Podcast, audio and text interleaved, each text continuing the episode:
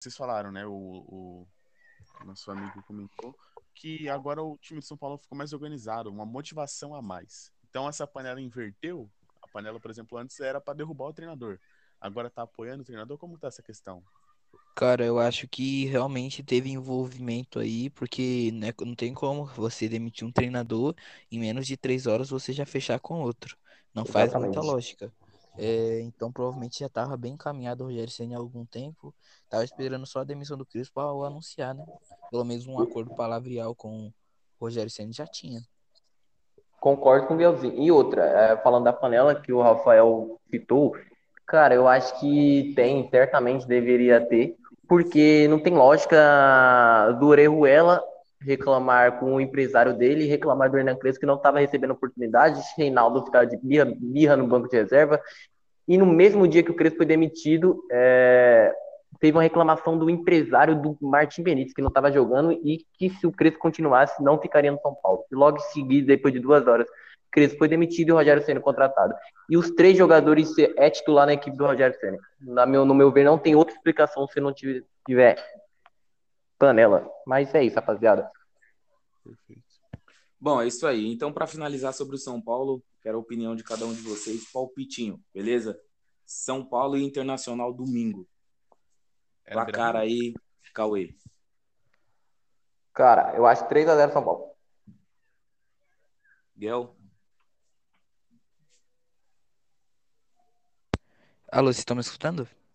Vamos, pode falar. Ah, ok. É, eu vou de 2x1 São Paulo. Rafa, O jogo é em Porto Alegre ou no Morumbi? Morumbi. Morumbi? Pra mim, 1x0 Internacional. Certo. E eu vou no oposto do Rafael, 1x0 São Paulo, meu palpite aqui. Beleza? Rapaziada, aí então vamos mudando de assunto aí, que as horas estão correndo. O próximo paulista a ser falado é o Corinthians, em sétimo colocado, 41 pontos. Fala aí pra gente, Rafael. O Coringão, né, que vem de vitória. Não, não, perdão, vem de empate com o Internacional. Tomou o gol ali nos últimos minutos. O Corinthians, pra mim, que depois da mudança no segundo tempo do Silvinho, mudou o futebol. O time ficou com outra cara. Com a entrada ali de Duqueiroz e de. E, Duqueiroz, eu acho que o Duqueiroz ele foi, foi a mudança X do time. Porque com o Duqueiroz no meio de campo, parece que ficou mais leve a saída de bola. A juventude dele, a raça, a vontade de mostrar.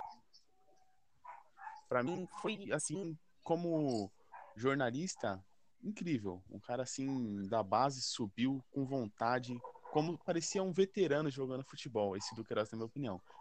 O time do Corinthians organizou ofensivo. Eu não gostei de ver o Renato Augusto como pivô, né?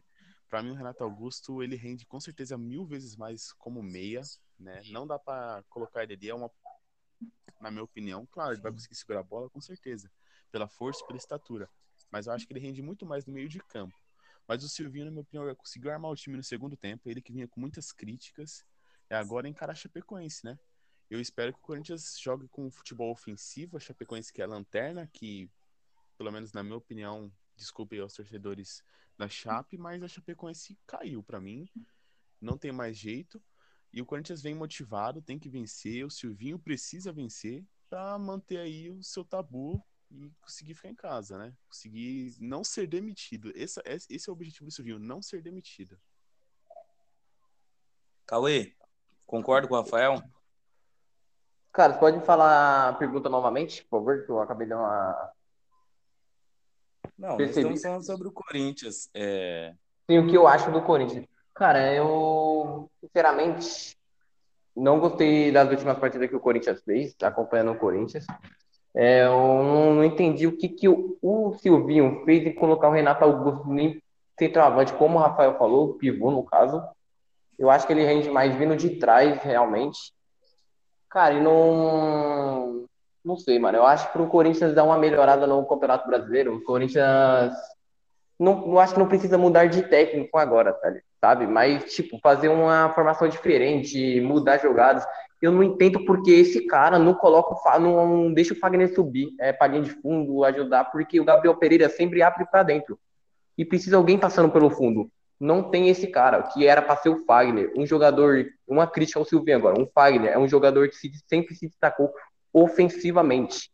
Não tem como ele ficar preso na marcação. E o Fábio Santos, que é um lateral que se destaca defensivamente, avança. Não tem lógica esse. Não sei por que o Silvio faz isso, porém, eu acho que isso que o Corinthians tinha que fazer, soltar mais o Fagner, fazer um, um meio-campo mais sólido com o Cantijo, o Renato Augusto e o Juliano. E no ataque seria, no meu ver, Roger Guedes, Mosquito e GP. Caso o William volte, William, titular. É isso aí. E para finalizar aí, Guelzinho, setorista do Corinthians. Então, é, começando por onde o Rafael terminou, é, em questão do Duqueiroz, eu achei muito boa a entrada dele. Na minha opinião, ele tem que ser titular no lugar do Cantijo. O Cantijo é um jogador muito versátil, tem uma boa saída de bola, mas o Corinthians recebe mais marcação e mais ofensividade com o Duqueiroz. O Cantijo ele consegue é, organizar mais o time, mas o Duqueiroz, ele, na hora de ofensivar, ele consegue ofensivar melhor e na hora de defender, ele defende melhor também, na minha opinião. E em questão sobre o que ele falou sobre o Fagner, eu também concordo. O Fagner não pode deixar de subir. A principal característica do Fagner é ser ofensivo. E aí eu não sei se vocês vão discordar ou não, mas na minha opinião, o Fagner ficou com seis anos seguidos sendo o melhor lateral direito do Brasil fazendo isso, subindo. 2014, 2015, 2016, 17, 18, 19. Todos os anos fazendo o quê? Subindo para ajudar os companheiros no ataque, sempre participando bem. E eu acho que o Fagner, essa é a principal característica dele. E o Silvinho tá tirando isso dele. Ele foi pra seleção por isso, não é? Pela Sim. sua ofensividade. Ele chegou na seleção por isso, jogou a Copa do Mundo por isso. É, o, o Fagner é tão bom, tanto ofensivamente, que é o que mais destaca ele, mas também defensivamente. E isso que destacou ele esses últimos anos como um dos melhores laterais direitos e aí do futebol brasileiro, né? Aí, então, para finalizar essa parte do Corinthians, quero fazer uma pergunta, antes do palpite, quero fazer uma pergunta para vocês, assim como o Rafael falou. O Silvinho está correndo grande risco de demissão, ou vocês acham que ele está mais estável na posição? Declara aí alguns de vocês aí a opinião. Lucas, é, desculpa interromper, mudando de um pouco de assunto, sobre a suspensão do Cássio, né? Que ele foi suspenso no último jogo contra o Internacional e não vai jogar. O provável titular vai ser o Carlos Miguel, que treinou com a equipe hoje e deve ser o titular, não o Matheus Dunelli, que estava sendo provável pela imprensa. Cara, sobre Certo. o, o Silvinho, eu acho que ele tá num grande. Uma grande armadilha, né? Porque, por exemplo, quando o dirigente diz assim que tá. Vai bancar o treinador, que vai manter, a maioria das vezes o treinador cai, né? Se ele não arrumar esse futebol do Corinthians, se o Corinthians não começar a jogar bem, eu posso cravar aqui que ele vai ser demitido. Por exemplo, se o Corinthians fizer um mau resultado contra o Chapecoense dentro de casa com 100% do seu público, creio eu que o Silvinho pode continuar sendo pode continuar sendo o técnico, né? Mas pela torcida ele já caiu ali nesse jogo se acontecer isso. Então acho que é mais na questão da diretoria. Depender da torcida, o Silvinho já caiu. Concordo. Cara, eu- E você, Cauê? Eu concordo entre aspas. Eu acho que o Silvinho ele tá moscando nisso que eu falei. E mas se você demitir o Silvinho, quem você contrataria? Não tem treinador, parça. Não tem treinador que você demitir o Não, Silvinho. mas vai, vai manter o auxiliar, que foi quando ele assumiu. Quando o Mancini foi demitido, ele assumiu e os dois jogos que ele jogou, ele fez, deu duas goleadas. Um 4x0 e um 5x0. Eu Pode até ser, pode até dar certo, é, mas não concordo com isso. E o Mano Menezes, eu não curto o trabalho desse cara, é, não gosto de treinador que, fi- que prefere consolidar sistema defensivo do que o ataque. Eu sei que ele, o time do Cruzeiro foi um time que atacou bastante, porém, mano, ele ficou 5, 4 anos lá, se eu não me engano. E se não fizesse o time jogar pra frente, cara, desculpa, né, mano, mas não gosto do futebol do Mano Menezes. Então é isso aí, pessoal. Isso aí foi a opinião de vocês. Só faltou o do Galzinho. Silvinho fica ou não? Sobre o Silvinho, é, eu acho que o Silvinho ele fica até o final do Campeonato Brasileiro. Eu acho que o Duílio não demite ele. Mas caso ele seja demitido, eu acho que o. é, eu não- esqueci, acho que é o, eu não sei se é o Doriva, que é o auxiliar. Exato agora, não lembro, que assumiu o Corinthians no começo do ano. Os dois jogos que ele ficou enquanto o Corinthians contratava o Silvinho, quando o Mancini foi demitido, ele ganhou um jogo de 4 a 0 outro 5 a 0 fazendo o time jogar bem ofensivamente. Então, caso o Silvinho seja demitido no Campeonato Brasileiro, provavelmente ele deve assumir nessas últimas rodadas para terminar o trabalho do clube para o clube contratar o treinador no que vem. Que, na minha opinião, se caso o Silvinho seja demitido, que eu acho que não vai acontecer pelo menos este ano, deveria ser o Voivoda do Fortaleza. E caso o Cauê falou do Mano Menezes, o Mano Menezes, na minha opinião, ele é um bom técnico, eu discordo sobre o que ele falou. É, na minha opinião, quando ele chegou no Corinthians aqui em 2014, em 2009, ele fez o time jogar para frente, fez o time ser ofensivo, fazer bastante gol. Se eu não estou enganado, em 2014, quando ele estava no Corinthians, o Corinthians foi um dos melhores ataques do Brasileirão. Eu não lembro se foi 2014 ou 2013 que ele estava no Corinthians.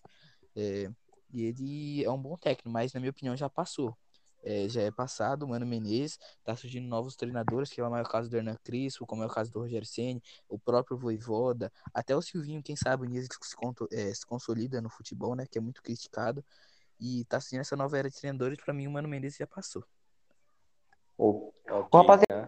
É isso aí, rapaziada. Então, só para finalizar o Corinthians, palpite. Corinthians e Chapecoense, segunda-feira. Leozinho. 2 a 0 Corinthians. Rafa?